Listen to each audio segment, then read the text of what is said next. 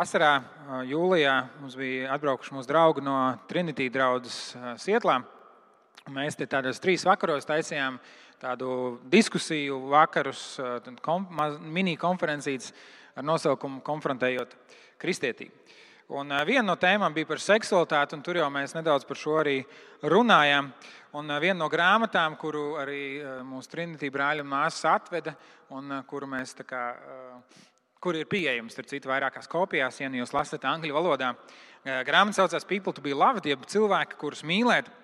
Un šis autors, Prestons Sprinkls, kurš ir arī vairāku New York bestseller autors, viņš grāmatas ievadā arī raksta savu piedzīvojumu, kas pamudināja viņu arī nedaudz, jau rakstot to grāmatu, iedziļināties dziļāk. Un viņš stāsta par to, ka viņš lido lidmašīnā, kādās darīšanās, un viņam blakus apsēžas kāds pāris, un diezgan ātri viņš uzzina, ka tie ir kristieši. Zin, kā amerikāņi tomēr ir tādi, kuri sarunājas ar cilvēkiem blakus, ne kā latvieši uzliek austiņas un iegrimst kaut kur paslēpjas. Viņi uzzina, ka, ka viņi ir kristieši, viņi sāk runāties, un viņam jautā, nu, ko tu dari. Viņš saka, es esmu rakstnieks, es rakstu grāmatas, un viņi uzjautā, nu, ko tu, tu tagad raksti, par ko tu raksti. Un viņš tā, mm. nu, es, es rakstu grāmatu par, par homoseksuālām attiecībām. Un tie kristieši tā uzreiz tā ieslīgst savos krēslos, tā nokar galvu. Viņi saka, jā, nu, Bībele ļoti skaidri runā par šīm tēmām. Bībele ļoti skaidri saka, kas, ka tas ir grēks. Bībele ļoti skaidri runā par šīm tēmām. Un viņš jau, kā rakstot grāmatu, nu, veids daudz tādu pētījumus, un tā, un viņš, nu, šis laikam nebūs tas mierīgais lidojums. Viņš tā atbild, viņš saka, labi, bet kur tieši? Nu kā, Bībele ļoti skaidri runā. Bībelē ļoti skaidri pateikts, kas un kā. kā. Viņš saka, labi, jā, es, es ticu, ka Bībele skaidri runā, bet, bet kur tieši? Nē, nu, visur Bībelē ļoti daudz runā. Viņš tā, nu, vispār patiesībā Bībelē ir tikai sešas tādas ļoti skaidras raksturvietas, kuras negatīvā gaismā parāda homoseksuālas attiecības. Nu, jā, bet Bībelē ļoti skaidri runā. Un, un tas secinājums viņam ir par to, un, un, un, un man liekas, ka arī mums ir um, jāatcerās, iespējams, ka šis vīrs ļoti skaidri zināja, ko, skaidri, ko Bībele skaidri saka. Iespējams, ka viņš tajā uztraukumā, varbūt tajā šokā par to, ka te ir kāds vīrs, kristietis, kurš raksta grāmatu par homoseksuālām attiecībām, ka viņš aizmirs visu, ko teica. Ļoti iespējams. Bet ļoti bieži mēs, kristieši, arī ļoti skaidrs, spēcīgus apgalvojumus sakam, un tad, kad mums jautā, kurā vietā tas ir rakstīts, ko tieši Dievs par to saka, Jā, līdzīgs piemērs, kad es runāju ar jauniešiem, viņi saka, ka nu, seksuālās attiecības pirms laulībām tas ir slikti.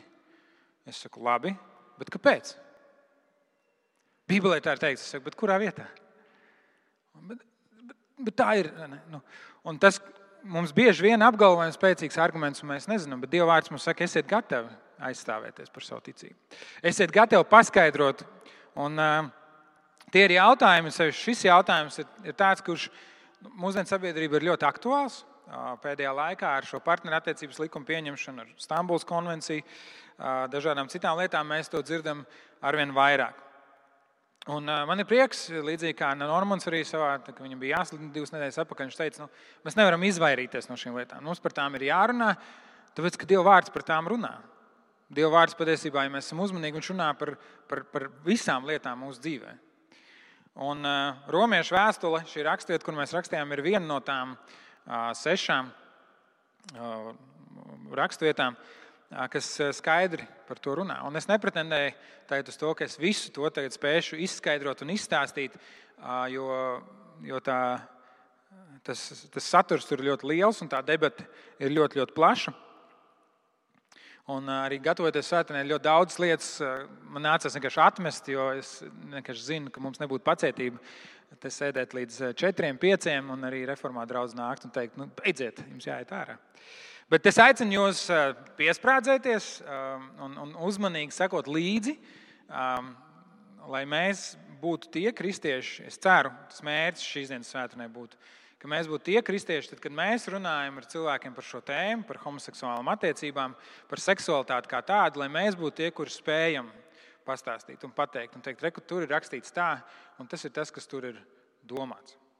Ja, un, un nevis tas, ka mēs izsmeļoši pilnīgi visu spēsim atbildēt, es uz to nepretendēju, bet ka mēs vienkārši zinām, Mēs zinām, mēs varam teikt, jā, bet, reku, piemēram, vēstuli romiešiem mēs varam atvērt un mēs varam ar to arī dalīties. Un šīs dienas raksturvieta sākas ar vārdu tādēļ. Ja, pirmās nodaļas, 26. pāns, tādēļ. Un vai jūs zinat, kas ir jādara, tad, ja jūs Bībelē ieraugat vārdu tādēļ? Kāds zina, jūs lasat Bībelē vārdu tādēļ, un tad kas ir jādara? Jāšķir atpakaļ. Labi, kāda zina, jāšķir atpakaļ. Jā. Un, Uh, mums tiešām ir jāšķir atpakaļ, jāsaprot, kādēļ. Tad, ja. Un, tie, kas neesat dzirdējuši Normānu svētdienu pirms divām nedēļām, iesaku to noklausīties. Un, un tur ir šis tādēļ, bet tādas trīs galvenās lietas, ko mēs redzam iepriekš. Ja. Tad tur ir teikts, ka Dievu pazīdam, tie viņi nav godājuši kā Dievu. Ja, tur ir runāts par cilvēkiem, kur Dievs ir atklājis sevi, Dievs ir atklājis savā radībā, Dievs ir atklājis un Dievu pazīdami viņi ir nav viņu godājuši kā dievu. Un tādēļ, tādēļ tas, ko mēs runāsim tālāk. Tāpat tur ir teikts, aizvietojuši neiznīcīgā dieva godību ar iznīcīgā cilvēka un putnu un četrkājāņu un rāpuļu līdzībā darinātu tēlu. Tādēļ, ka viņi ir sākuši pielūgt radību, nevis radītāju. Tādēļ. Un tādēļ, ka Dieva patiesību tie ir apmainījuši pret meliem.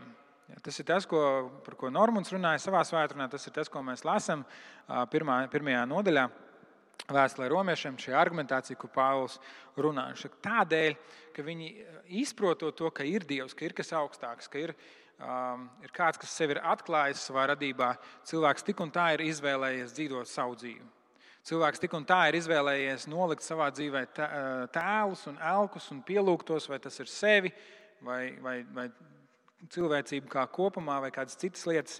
Ja, un ka Dieva patiesība tie ir apmainījuši pret meliem. Tādēļ, tādēļ, un tad mēs sākam šodien, un mēs redzam, ka tādēļ Dievs tos ir nodevis kaunpilnai kaislī.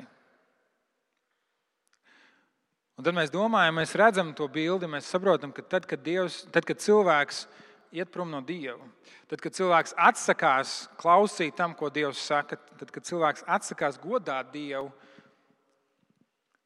viņš iet savu ceļu, viņš iet savu virzienu viņš iet ar vien tālāk no Dieva. Tie, kas Dieva stāstā, esat bijuši, mēs, mēs runājam par to, ka ar vien tālāk cilvēks, ar vien tālāk un tālāk tādā apaļveida laikā. Un Dievs tos ir nodevis kaunpilnai kaislē. Kaut kas, kas nav Dievam labs, kaut kas, kas nav cildināms, kaut kas, kas nav ar ko lepoties, kaut kas, kas nav pēc Dieva prāta.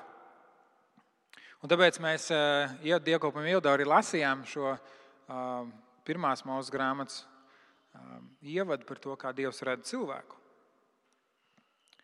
Un Pāvils apzināti šeit velk paralēles ar uh, pirmā mūža grāmatu, un īpaši 26. pantu, kur teikts, taisīsim cilvēku pēc mūsu tēla, pēc mūsu līdzības, lai tas valda pār zivīm jūrā, un pār putniem debesīs, un pār lopiem, un pār visu zemi, un pār visiem rāpuļiem, kas rāpo pa zemi. Un vēstules romiešiem, pirmās nodaļas 23. pantam un pirmās mūzes grāmatas 26. pantam, grieķu tulkojumā ir pieci kopīgi vārdi. Pieci kopīgi vārdi par rāpuļiem. Tas, ko mēs sākumā runājām, ka viņi aizvietojuši neiznīcīgā dievgodība ar iznīcīgā cilvēku un putu un četrkājainu un rāpuļu līdzībā darītu tēvu.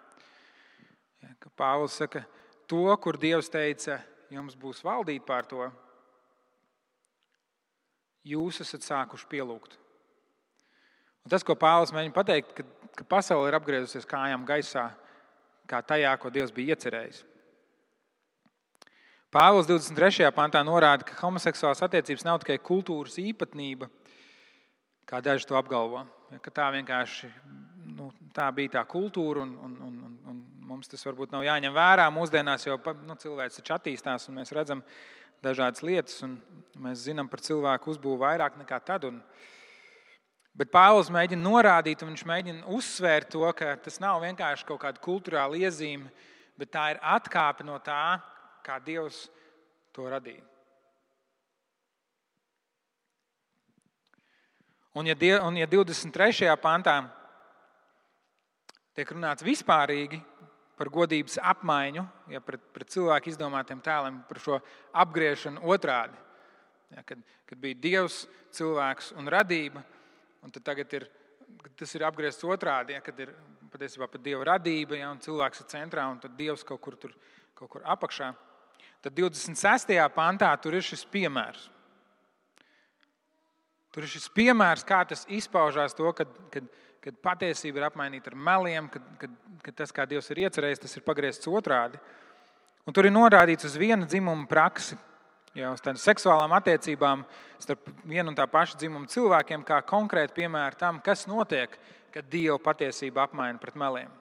Kas notiek, kad radījuma cildināšana aizstāja radītāju pielūgšanu. Un tas ir tas virziens, ko Pāvils cenšas pateikt. Viņš saka, cilvēki tā ir gājuši, cilvēki to ir darījuši. Tas ir un, un, un nav jābrīnās. Viņš saka, Dievs ir atstājis to cilvēkiem. Viņš ir ļāvis viņiem iet viņu ceļu. Mēs skatāmies Dieva vārdā un domājam par to, nu, nu, kāds ir bijis tas, tas, tas piemērs un tas, kā tam būtu jābūt. Tad arī Jēzus apstiprināja, ka Dieva grība attiecībā uz cilvēkiem, uz cilvēku seksuālām attiecībām vienmēr ir bijusi mūžīga heteroseksuāla monogāmija. Ja, tad, mūžīga heteroseksuāla monogāmija starp pretējiem dzimumiem uz nešķiramu laiku. Viens, no, tikai divi cilvēki. Vāģelē 19. nodaļā, no 4. līdz 6. pantam. Jēzus tiem atbildēja, vai jūs neesat lasījuši, ka radītājs jau no iesākuma viņus radīja kā vīrieti un sievieti? Un sacīja, tādēļ cilvēks atstās tēvu un māti un pieķersies savai sievai, un to divi būs viena miesa. Tā kā tie vairs, tie vairs nav divi, bet viena miesa, tādēļ, ko Dievs savienojas, to cilvēkam nebūs šķirt. Un daudz saka, jā, bet nu, kā, tas tajā laikā, jūdu kultūra, aizvēsturiskie laiki, tas viss ir pagājis. Mēs, nekam, mēs sakam, un Jēzum uzdod šo pašu jautājumu, līdzīgu jautājumu par laulību, par šķiršanu un ko tas nozīmē. Un Jēzus atgādina Dieva radīto kārtību. Un Jēzus uzsver to, un Jēzus jau varēja pateikt citādāk. Un Jēzus varēja to, ja viņam tas būtu bijis um, būtiski, ja viņš gribētu, lai mēs redzam, ka var arī citādāk, viņš to būtu pateicis. Bet viņš norāda uz to, ka tas, kā Dievs to ir iecerējis. Un laulība ir tas konteksts, kurā Dievs ir paredzējis cilvēkam baudīt seksuālu tuvību un kaisli. Laulība ir tas konteksts, kurā cilvēkam Dievs ir paredzējis baudīt seksuālu tuvību un kaisli. Visas pārējās seksuālās attiecības ir ārpus dievja, dieva rāmjiem. Visas seksuālās attiecības ārpus laulības ir ārpus dieva rāmjiem. Visas. Ne tikai homoseksuālās, bet visas.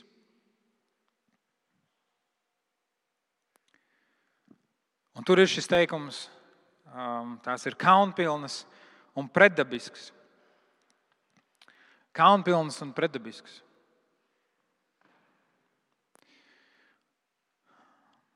Un liekas, nu, tie, kas uh, mēs, mēs lasām Dievu vārdu, mēs sakām, bet redzi, re, kur ir? Re, kur ir pateikts? Re, kur ir teikts, ja, ka Bībele skaidri runā par homoseksuālām attiecībām. Viena lieta ir, ko atcerieties, tas nav tikai par homoseksuālām attiecībām, tas ir par visām seksuālām attiecībām ārpus dieva noteikto rāmjiem. Bet, eh, lai būtu, lai, šo, lai šo diskusiju padarītu nedaudz plašāku un arī apskatītos eh, otrs, teiksim, otrs puses viedokli, kurš saka, ka nē, eh, patiesībā Dievs pieņem visus neatkarīgi no tās tavas seksuālās prakses. Galvenais, ka tu esi labs cilvēks, mīli Dievu un ka tu esi nodevies. Un viņi saka, ka šie paši grieķu vārdi kurus Pāvils lieto, respektīvi, kaunpilns un predabisks, viņi ir lietoti arī pirmajā vēstulē korintiešiem 11. nodaļā, 14. pantā.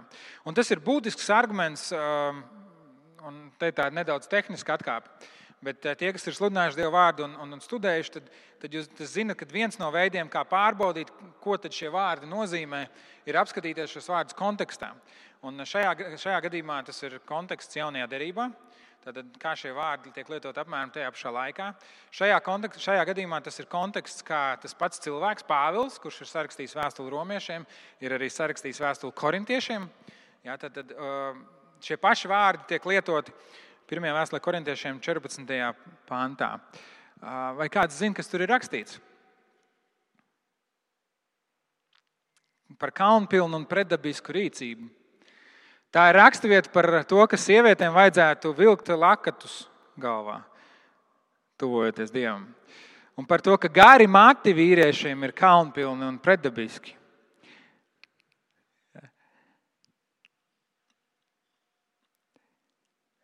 Un tad, nu, kad cilvēki to izlasa, viņi saka, ka homoseksuālas attiecības ir, ir, ir tikpat ļoti pieļaujams un normāls kā tas, kā vīriešiem audzēt garus matus mūsdienās. Tā ir vienkārši kultūras norma, kura tajā laikā bija, un tāpēc Pāvils par to rakstīja, ka tas ir kaunpilni un pretdabiski. Un, ja, ja kultūras norma bija uh, vilkt lakatiņus uh, dievu lūdzot, tad tam jābūt. Tas nozīmē arī, ka kultūras norma patiesībā bija, ka homoseksuāls attiecības nav dievam pieņemamas. Un mums, kā kristiešiem, mēs saprotam, nu, ja jau mēs lakatiņus nevalkājam, tad. Uh, tad mums vajadzētu būt arī atvērtiem pret homoseksuālām attiecībām, homoseksuālu praksi. Ja. Māsas nākamajā svētdienā lūdzu visas ar lakatiņiem. Ja. Nē, es jokoju, es jokoju, es, jokoju, es izstāstīšu. Ja. Tā patiesībā ir tāda, kā es to saucu, lingvistikas akrobātika. Ja. Jo tad, kad mēs runājam par vārdiem, mēs varam saprast, ka ir dažādi veidi. Um, Nu, es varu nokaunēties par dažādām lietām. Es varu nokaunēties par to, ka es aizmirsu kādam atzvanīt vai atbildēt uh, uz īsiņu. Man ir kauns par to, ka es aizmirsu, vai es aizmirsu kādu no jums, kā sauc, piemēram, vārdu. Vai... Un es varu nokaunēties par to, ka es grēkoju. Ir dažādi līmeņi arī kaunam. Ja? Tad mēs saprotam, ka vienu vārdu var lietot uh, dažādās, um, tiksim, runājot par dažādām lietām. Bet, bet vārdu studēšana vien nav risinājums. Jo tad mēs varam ieraudzīt dažādus vārdus, kas ir lietoti um, um, dažādās vietās, un teikt, jā, bet redziet, tie ir tie paši vārdi. Tas nozīmē, ka tās lietas nozīmē vienu un to pašu. Jo no konteksta, un te ir atkal, un konteksts ir vēl viena lieta, konteksts, ko mēs skatāmies. Ja, tādēļ mēs teicām, tūlītējs konteksts. Ja vārds tādēļ mēs skatāmies kontekstu, mēs skatāmies, kas bija pirms tam. Un Bībeli lasot, ir dažādi veidi konteksti. Ir, ir tūlītais konteksts, kas ir nu, bišķiņš pirms un bišķiņš pēc. Ja. Tad ir visas grāmatas konteksts. Šajā gadījumā tas būtu visas vēstules romiešiem konteksts, vai ja mēs domājam par visas vēstules korintiešiem kontekstu.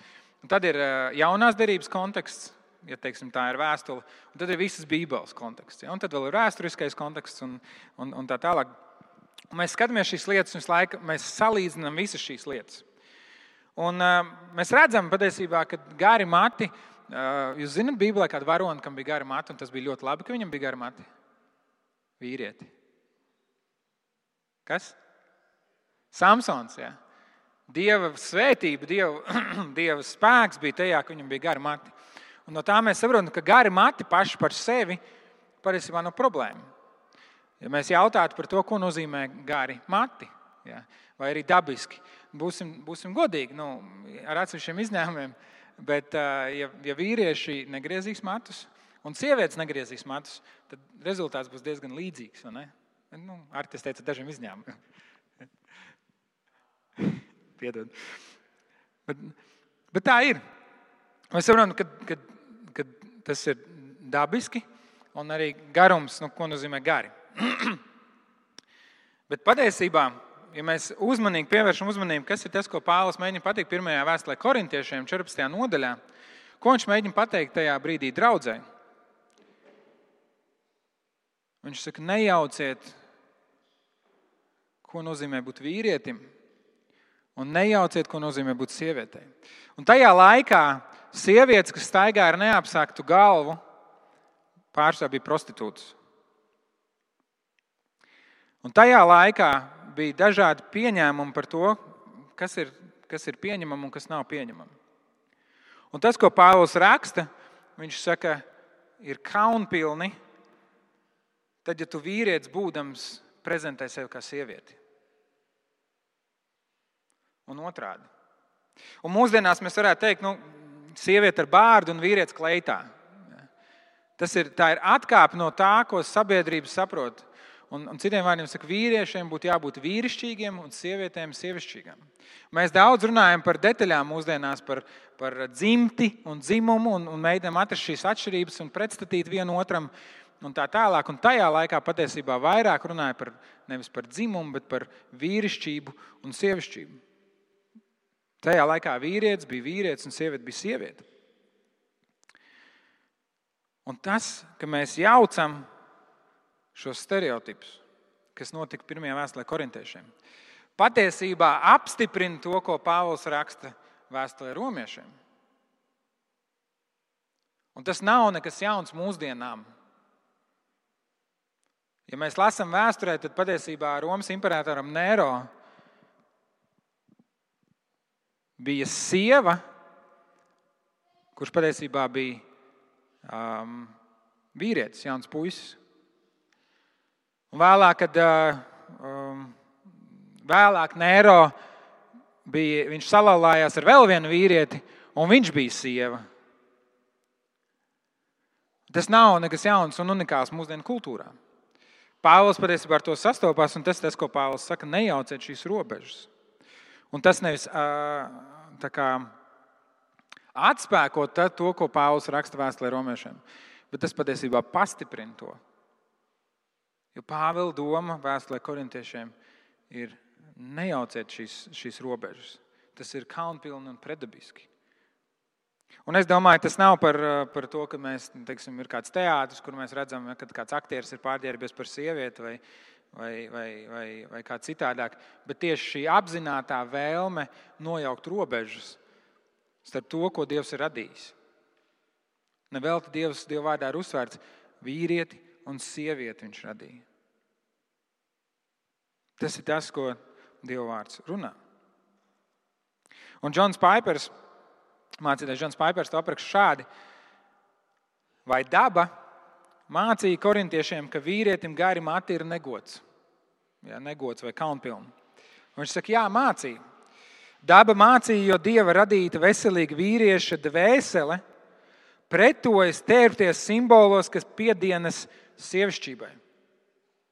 Dieva radīta veselīga vīrieša dvēsele pretojas tērpties simbolos, kas piedienas sievišķībai. Tāpat kā dieva radītā veselīga sieviete, dvēselē iebilst parādīties kā vīrietis. Šī dabiskā pretestība ir dieva dots skolotājs. Tas ir tas, ko raksta Džons Paipers. Un es domāju, tas ir viens no iemesliem, kāpēc mūsdienās ir vajadzīgs lepnuma gājiens, ja? praida gājiens.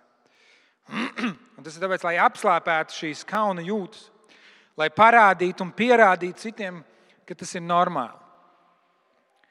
Ja, tieši vārds normāli šķiet mums ir jāapskata jau um, un, un, un jānodefinē. Liekas, nu, Latvijas ir kā tev iet normāli. Ja? Pagaidiet, pagaid, lūdzu, paskaidro, ko tu ar to domā. Ja, es nezinu, vai jūs esat skatījušies, lasījuši Latvijas sabiedriskā mēdī um, podkāstus un, un, un, un rakstus normāla ģimene. Ja. Ir kāds? Kāda ir? Ja? Jūs saprotat, tur, ka tur, tur vispār tiek mēģināts nojaukt vārdu normāli. Un, Tur ir sākot no poligāmām attiecībām, jau atvērtām attiecībām, kas nozīmē, ka tu it kā esi precējies ar vienu, bet tu principā vari gulēt un būt ar, ar, ar neskaitāmiem citiem. Ja?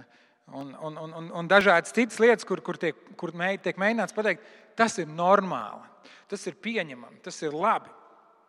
Ja? Un pēc Pāvils vēstulē romiešiem saka, tāpēc, ka cilvēki ir atgrūduši Dievu Tādēļ, ka viņi nav godājuši Dievu, viņi ir atgrūduši Dievu, viņiem neinteresē Dievs. Viņi ir nonākuši līdz tam, ka viņi paši definē to, kas ir normāli.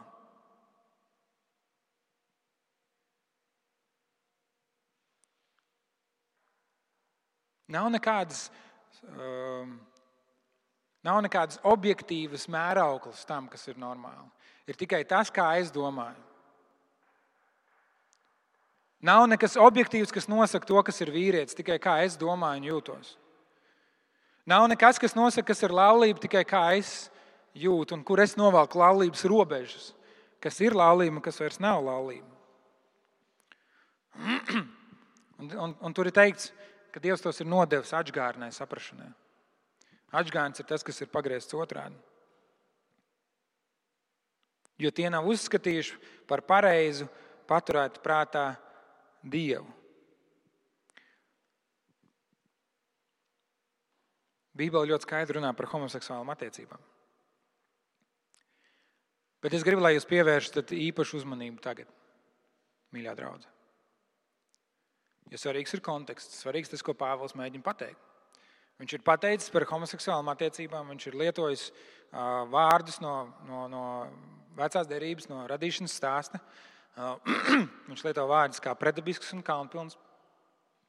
Un tad viņš runā par cilvēkiem, kurus Dievs ir nodevis atgādnē, saprašanai, jo tie nav uzskatījuši par pareizi paturēt prātā Dievu. Un tad viņš saka, tie dara lietas, kas neklājas. Un es gribu, lai jūs uzmanīgi paklausieties šajā sarakstā, ka cilvēki dara lietas, kas neklājas. Un šīs lietas ir netaisnība, negantība,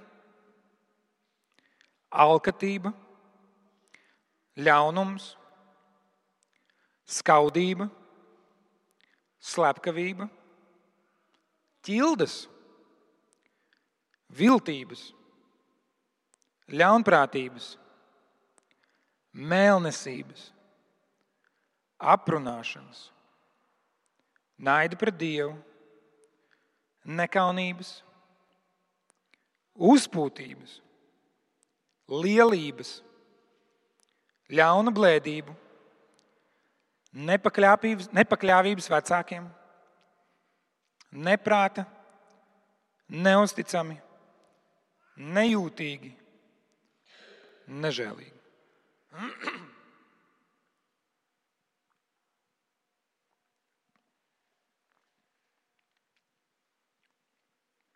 Par tiem, kas šīs lietas dara, nāk Dieva taisnā tiesa.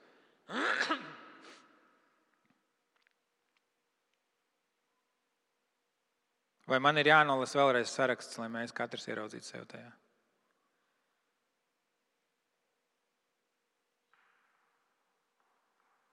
Par tiem, kas šīs lietas dara, nāk Dieva tie taisnā tiesa. Un tādēļ mums ir svarīgi pirmo nodaļu, pirmās nodaļas beigas, lasīt kontekstā ar otro nodaļu. Lasīt kopā. Un tur atkal ir vārds tādēļ. Kas bija jādara, ja ir rakstīts tādēļ? Jālas to, kas ir rakstīts iepriekš. Tādēļ, un tur ir teikts, cilvēku tu. Tādēļ tev nav ar ko aizbildināties. Jo tu dari to pašu. Jo tu dari to pašu. Mēs tikko runājām par homoseksuālām attiecībām, Pāvils raksta, un tu dari to pašu, un tu domā, ko es nē, es esmu laimīgi precējies. Mans vienīgais seksuālais partneris visam man mūža garumā ir bijis mana sieva. Par ko tu runā? Ko es daru to pašu? Pāvils raksta, nepaturi prātā Dievu. Ko nozīmē paturēt prātā Dievu? Mums katram ir jānokāpj no sava troņa un jādod vietu Dievam. Dievs ir augstāks par manām vēlmēm, augstāks par maniem sapņiem, augstāks par manu identitāti, augstāks par manu seksualitāti. Dievam ir pakļauta visa mana dzīve. Tā ir skaitā tas, ko es saku, tā ir skaitā tas, ko es daru, tā ir skaitā tas, ko es domāju, un tā skaitā tas, ar ko es guļu.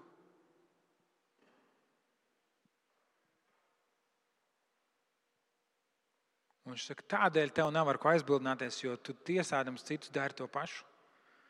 Un acīm redzam, Pāvila laikā bija tieši tāda pati vai līdzīga situācija, kur kristieši sita sev pie krūtīm un teica, redzi, labi, ka mēs neesam tādi kā tie tur, neskatoties spogulī. Un Pāvils raksta, pagaidi, pagaidi, pagaidi. Tāds, tā, nebūs, tā tam nebūs būt. Un Pāvils iedod šo sarakstu ar 21 lietu Es domāju, Pāvils vienkārši varēja uzrakstīt, mēs visi esam vienādi. Viņš iedod sarakstu ar 21 lietu. Jā. Es apstājos jau pie trešās, kas ir alkatība. Es nezinu, kur jūs sevi ieraudzījāt. Droši vien, ka īstenībā es būtu pie pirmās, bet es vienkārši esmu paštaists. Bet ķildes un aprunāšana, un, un, un, un mēlnesība, uzpūtība un lielība.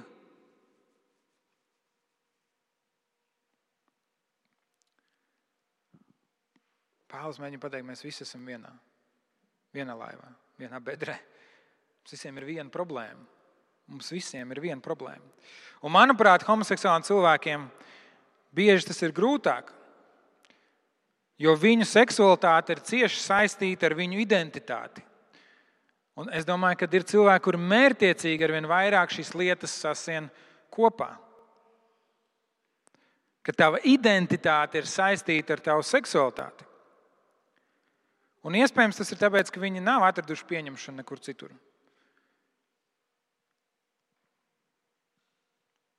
Bet atteikties no tās nozīmē uzdot jautājumu, kas tad es esmu un kā es varu gūt piepildījumu.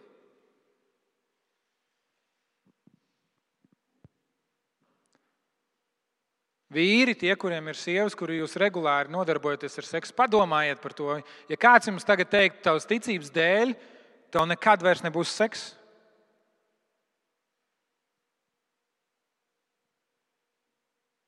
Sievietes, kurām ir brīnišķīgi partneri blakus, kuriem ir romantiskas attiecības, un viņiem padomājiet par to, ja kāds jums teikt, tev nekad nebūs romantiskas attiecības ar to, kur tu mīli.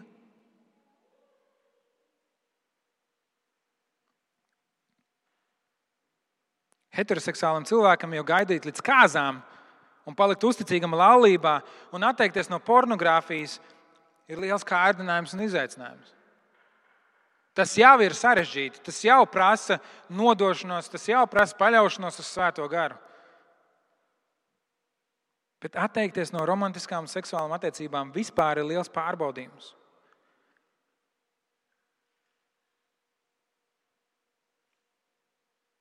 Jēzus Mateja Vangelijas 16. nodaļā teica, ja kāds grib man sekot, tas lai aizliedz sevi, ņem savu krustu un seko man.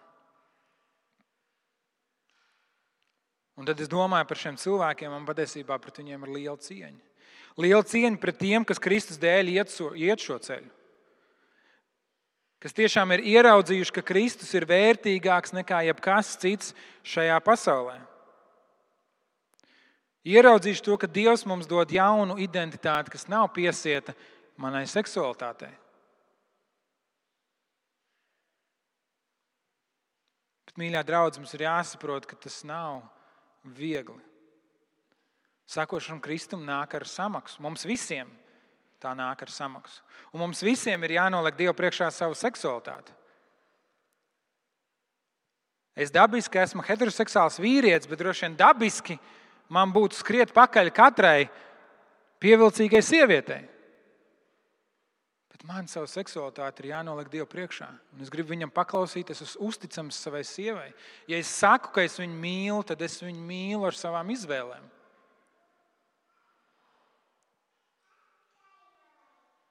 Tas ir izaicinājums. Un manī tas rada līdzjūtību. Manī tas rada līdzjūtību pret cilvēkiem, kuriem ir šīs homoseksuālā dziņa. Un mēs varam diskutēt ilgi par to, vai piedzimst, vai, vai sabiedrība tā veido. Tas nav būtiski. Šie cilvēki tā jūtas. Un manī tas rada līdzjūtību, nevis dusmas vai riebumu. Es ticu, ka tas ir tas, kā Dievs uz šiem cilvēkiem skatās. Un tad Pāvils raksta, vai tu neesi sapratis, vai tu neesi pārpratis Dieva žēlastību, ka tu pats dari šīs uzskaitītās lietas un tu tiesā šos cilvēkus. Viņš saka, vai tu neesi palaidis garām to, ka Dieva labestība tevi vada uz atgriešanos? Un, ja Dieva žēlstība tevi vada uz atgriešanos, ja Dieva žēlstība ir tevi atvedusi šeit, ka tu vari viņu pielūgt, un tu viņu, viņu vari pazīt, un ka tu vari saņemt viņa svētības, tad Dieva žēlstība vēlas vadīt arī viņus uz atgriešanos. Dieva žēlstība neattaisno. Dieva žēlastība nesaka tas, ko tu dari, un ka to, to dari, tas ir labi. Ja? Tas nenozīmē, ka Dieva žēlastības, ah, tu aprunā kādu maleci, super, ja? es tev pieņemu. Nē, Dieva žēlastība vada uz atgriešanos. Un ja tu neatgriezies, ja tu nenožēlo, ja tu aktīvi nenostājies pretī visām šīm uzskaitītajām lietām, Ja tu saki, es ar savu gribu izvēlos dzīvot citādāk, es izvēlos uzticēties Dievam un paklausīt, ja tu to nedari, tad tu ar neko neesi labāks. Patiesībā tu arī tad, ja tu to dari, tu neesi labāks. Tu esi tāds pats grēcinieks, kuram ir vajadzīga tāda pati žēlastība.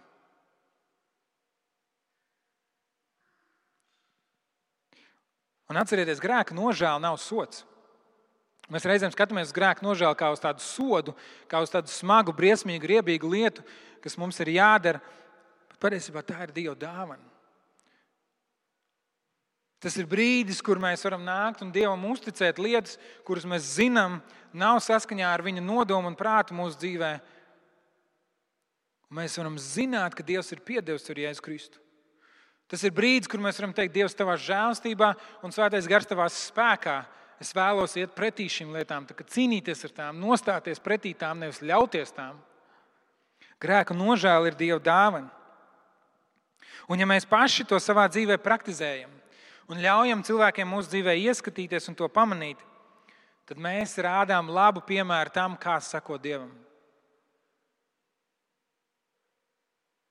Nevis tad, kad mēs ejam ar pacēlu galvu un sakām, es tā nedaru, es dzīvoju savādāk. Bet tad, kad mēs praktizējam un demonstrējam un rādām, ka mūsu grēka nožēla ir tas, kā, Dievs, kā mēs saņemam Dieva žēlstību savā dzīvē, tad mēs rādām labu piemēru, kur cilvēki var pamanīt, ah, sako Dievam nozīmē to.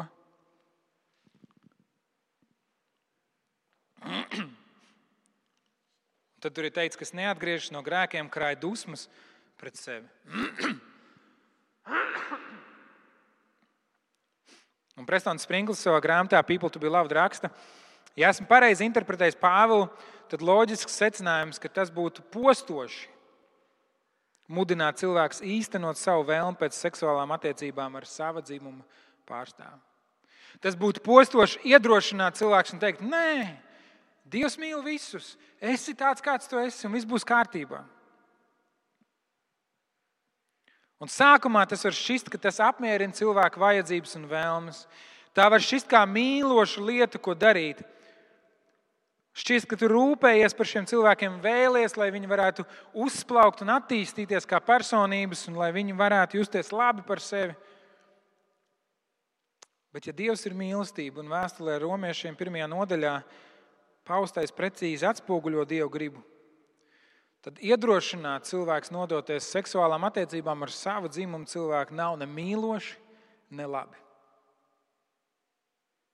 Un man ir bijušas sarunas ar šādiem cilvēkiem, un es teicu, zini, es vēlos, kaut kas to varētu teikt. Nāc tāds, kāds tu esi. Tev nekas nav jāmaina, tev nekas nav jādara. Dievs tevi mīl, un Dievs tevi uzsit uz pleca un dzīvo, kā tu vēlies. Un es bet es tam būšu melis es būšu melis.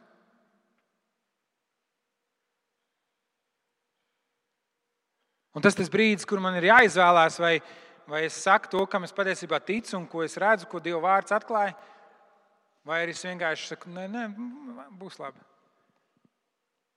Bet es saku, ja es tev piekristu, un ja es piekristu to, ka Dievam nav starpības, ar ko tu guli, tad es būtu mēlis un es nebūtu mīlošs cilvēks. Bet tieši tāpēc, ka es esmu tajā pašā laivā, kurā tu, pat tad, ja man nav homoseksuāls um, vēlmes vai Es esmu tajā pašā laivā, kurā tu. Es esmu piedzīvojis to pašu žēlstību, kur tu vari piedzīvot. Arī man ir jāizliedz sevi un jāsako Dievam. Un jā, šķietam, man tas neprasa tik daudz. Un tomēr tev ir iespēja. Dieva nodoms nav nevienu iemest ellē. Pāvils neraksta šo nodaļu, lai nosodītu homoseksuāļus. Viņš to raksta, lai brīdinātu visus cilvēkus. Viņš piemin homoseksuālismu, jo tā bija aktuāla problēma tajā laikā. Bet viņš brīdina visus cilvēkus. Un, ja mēs lasām romiešu vēstules pirmās, nu, pirmo nodaļu, nepievēršot uzmanību pārējai vēstulē, tas ir līdzīgi kā tam, ka mēs noskatāmies pirmās piecas minūtes no filmas un izējām no kinoteātra. Un mēs varam teikt, jā, es biju uz to filmu, un redzēju, un es zinu, kas tur ir teikts, bet patiesībā mēs nezinām. Jebkura diskusija, debates, svētkruna vai lekcija par homoseksualitāti, kas neizceļ pārējās romiešu nodaļās izstaroto skandalozo dievu žēlastību pret visiem cilvēkiem. Patiesībā ir skandaloza atkāpšanās no dieva evaņģēlīja. Un mums, mīļā draudzene, ir jācīnās ar katru paštaisnības un liekulības atlieku, kas slēpjas mūsu farizējiskās sirdīs. Un kamēr mēs to nedarīsim un uzskatīsim, ka mēs, heteroseksuālie cilvēki, esam labāki un tuvāk Dievam nekā tie tur geji, mēs nekad nespēsim skatīties uz homoseksualitāti tā, kā to dara Dievs. Un šīs bailes ir daudziem kristiešiem. Varbūt arī tu domā, ja tu parādīsi laipnību un mīlestību pret LGBT, nezinu, to alfabētu ja cilvēkiem, viņi uzskatīs, ka tu apstiprini to, ko viņi dara. Ja tu būsi laipns un iejūtīgs pret viņiem, tad tevi uzskatīs par, par liberālu kristieti, kurš ir atmetis dievu patiesību. Bet patiesībā tā nav. Visticamāk, viņi zina, ka tu esi kristietis un ir liela iespēja, ka viņi jau pieņem ka tu nepiekrīti viņu identitātei. Patiesībā iespējams viņi domā, ka tu viņus ienīsti un uzskati viņus par pretīgiem izvirtuļiem. Laipnības un mīlestības izrādīšana viņiem apliecināts, ka tu viņus uzskati par cilvēkiem, dieva līdzjūtībā radītiem. Mateja Vāģelī 5. nodaļā es gribu noslēgt ar šo. Jēzus izaicina savu klausītāju. Un viņš saka, jūs esat dzirdējuši, ka ir sacīts, mīli savu tuvāko un nīsti savu ienaidnieku. Bet es jums saku, mīliet savus ienaidniekus un lūdziet par tiem, kas jūs vajā, ka jūs topat savu debesu tēvu bērnu. Jo viņš liek saulē uzliekt pār ļauniem un labiem, un lietum līt pār taisniem un netaisniem. Ja jūs mīlat tos, kas jūs mīl, kāda alga jums nākas? Vai arī muitnieki nedara tāpat? Ja jūs sveicināt vienīgi savus brāļus, ko gan īpaši jūs darāt, vai arī pagāni nedara tāpat, tad nu topiet pilnīgi, kā jūsu debes tēvs ir pilnīgs. Un cilvēki, kuri grēko citādāk nekā mēs, nav mūsu ienaidnieki. Viņi pat nav mūsu ienaidnieki. Viņi ir cilvēki, līdzcilvēki, dieva līdzjūtībā radīti. Un Dievs savā laipnībā viņus vēlas vest pie sevis. Un Jēzus māca mums mīlēt pat savus ienaidniekus un lūgt par viņiem. Un ja pat ienaidnieki mums ir jāmīl un viņus jālūdz, tad vēl vairāk šie cilvēki. Mīlēt tos, kas mūs izsmeja. Mīlēt tos, kas mūs nievā, tos, kas mūs nesaprot, un tie, kas pretojas mūsu vēstīt par Dieva mīlestību. Mīlēt tos, kas mūs sauc par tumsoņām un homofobiem. Un tā ir tā mūsu, tas ir tas mūsu aicinājums. Tas ir tas, ko Dievs vēlas. Palikt tajā, ko Dievs ir atklājis savos rakstos. Palikt savā pārliecībā. Zināt to, kas tur ir teikts, zināt, ko Dievs par to saka. Un tāpat laikā mīlēt un izrādīt žēlstību un sludināt evaņģēlīju. Atcerieties to, kas ir teikts 2. nodaļas 4. pantā. Atgriešanās nenovada pie Dieva laipnības, bet Dieva laipnība novada pie atgriešanās. Un mēs reizēm gribam, lai cilvēks izmaina savu uzvedību pirms viņš var nākt un klausīties par Dievu. Bet patiesībā viņam vispirms ir jādzird par Dievu, jāpiedzīvo Dieva pieskāriens, un tad viņš var izmainīt savu uzvedību. Un, ja mēs runājam par homoseksuāliem cilvēkiem, tas pat nav par uzvedību, tas ir par viņu identitāti. Tas ir kaut kas tik dziļš. Ja? Un atcerieties, ka tas kādēļ? Tādēļ, kad, kad cilvēki Un tas nav tikai viņi, bet visi cilvēki ir pagriezuši šo Dieva patiesību otrādi. Tas ir kaut kas tāds, kam viņi dzīvo ar milzīgu pārliecību un patiešām tic, un, un, un, un visu viņu dzīvi ir ap to. Tā nav vienkārši uzmanība. uzvedība. Un tas, kā mēs varam viņi, viņus mīlēt, ir teikt, klau, jā, tas ir tas, kam es ticu. Bet, bet kas notiek tavā dzīvē? Un es domāju, mums, kristiešiem, ir liels izaicinājums vispār nonākt pie tādiem cilvēkiem. Vispār apsēsties pie viena galda ar viņiem, uzsākt sarunu ar viņiem.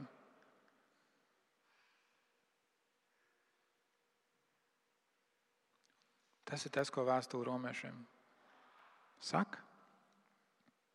Un nākamreiz, kad kāds jums saka, jā, Dieva vārds skaidri pasaka par homoseksualitāti, jūs vismaz vienu no tām raksturvietām tagad zinat, vēstule romiešiem, pirmās nodaļas beigas. Bet, mīļie, tad, kad jūs to citējat vai runājat, vai sakat, lūdzu, lūdzu, turpiniet arī otrajā nodaļā.